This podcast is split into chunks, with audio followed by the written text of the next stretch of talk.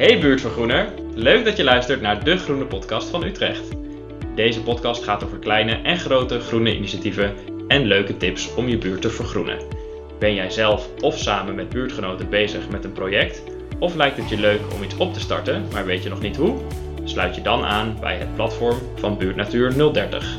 Dan kijken wij hoe we je kunnen helpen. Samen maken we Utrecht groener. Mijn naam is Esmee Duivenman, ik ben de host van deze podcast. Ik ben vrijwilliger bij Buurtnatuur 030, ben gek op tuinieren en betrokken bij diverse duurzame projecten. Ik wil mijn directe omgeving graag op een handige manier groener maken om de gevolgen van klimaatverandering tegen te gaan. In deze podcastserie onderzoek ik kleine en grote initiatieven in Utrecht en spaar ik tips om te vergroenen. Vandaag praten we met Manon en Jorien, twee buurvrouwen uit de wijk Veemarkt. Zij zijn bezig om samen met meer mensen uit de straat boomspiegels te adopteren, naast het werk en het drukke gezinsleven. Wil jij weten wat boomspiegels zijn? Blijf dan luisteren. Over een paar minuutjes volgt meer uitleg. Welkom Jorien en Manon, leuk dat jullie er zijn. Manon, vertel, wie ben je? Ik uh, ben uh, Manon. Ik uh, woon sinds 2016 met mijn man en twee kinderen op, op de Veemarkt. En ik ben de buurvrouw van Manon, Jorien. En ik woon dus ook sinds 2016. We zijn er allemaal ongeveer tegelijk komen wonen. Het is een nieuwbouwwijk. Ook op de Veemarkt. Ook met twee kinderen en een man. Leuk, welkom. Nou, hartstikke goed. Um, bevalt het op de Veemarkt? Ja, het bevalt uh, prima. Het is heerlijk. We zitten zo in de stad, maar we zijn ook uh, snel buiten bij de Hoogkampse Plas, daar richting de Beeld, Groene Kam, om uh, te wandelen of hard te lopen of te fietsen. Dus ja, alle voorzieningen van de stad dichtbij, maar toch ook snel in de natuur.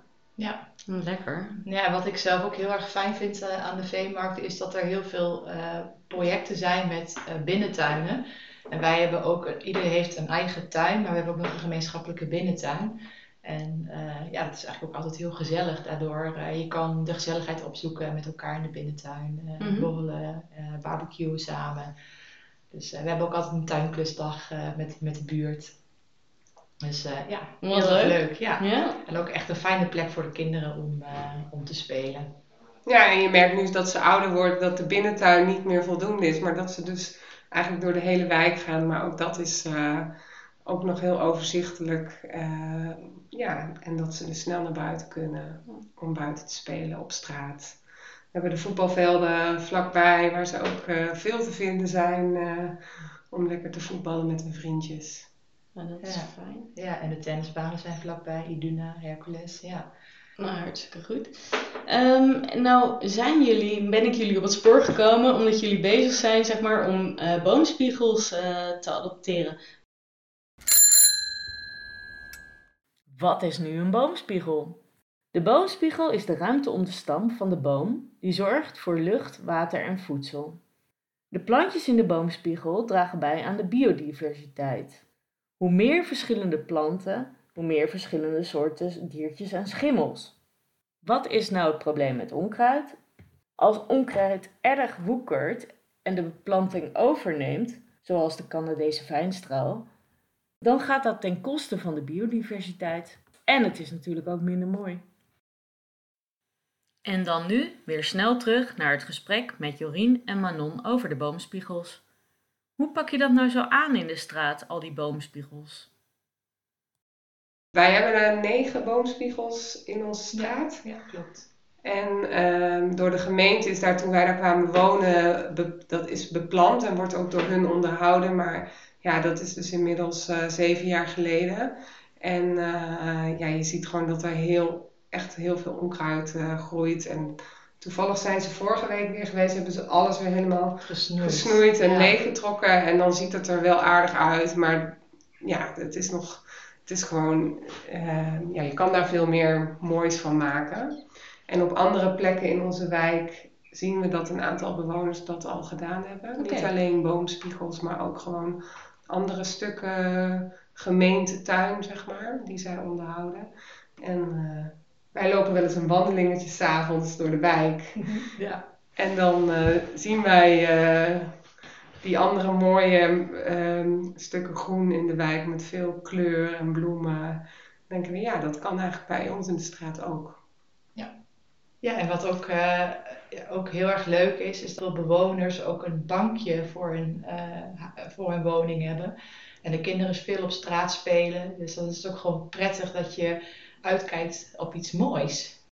Ja, het leuke is ook dat iedereen eh, ook mee wil doen in de straat. Dus, eh, Ja, want jullie hebben negen boomspiegels. Hoe doen jullie dat dan? Doen jullie ze alle negen? ja, we gaan ze alle negen doen. Maar niet met z'n tweeën. Niet met z'n tweeën, nee, nee, nee. Met de hele Nee, straat, nee. met alle bewoners. Er is één buurvrouw die had een oproep geplaatst. We hebben een, eh, een gezamenlijke groepsapp van ons blok. Dat zijn 50 huizen. En aan onze straatkant zijn denk ik 12 huizen. Ja, zoiets. En eh, ze had een oproep gedaan van, hey, ehm, wie wil, maar ik wil daar iets mee gaan doen, wie wil helpen. En daar had eigenlijk iedereen eh, positief op gereageerd van, hé, hey, maar tuurlijk, eh, laten we dat dan met z'n allen doen. Dan wordt gewoon je straat gewoon veel mooier en gezelliger en groener. Dus ehm, ja, daar zijn we nu mee bezig om, om dat voor elkaar te krijgen. En als je nou even iets meer groen op wil zoeken, iets, iets ouder, wat iets verder weg, waar kom je dan? Ja, we wonen vlak bij de Voorveldse polder. En bij de Hoogkampsplas. Ja, dus je bent ook zo in het, eh, in het groen. En je hebt ook nog de pioniers.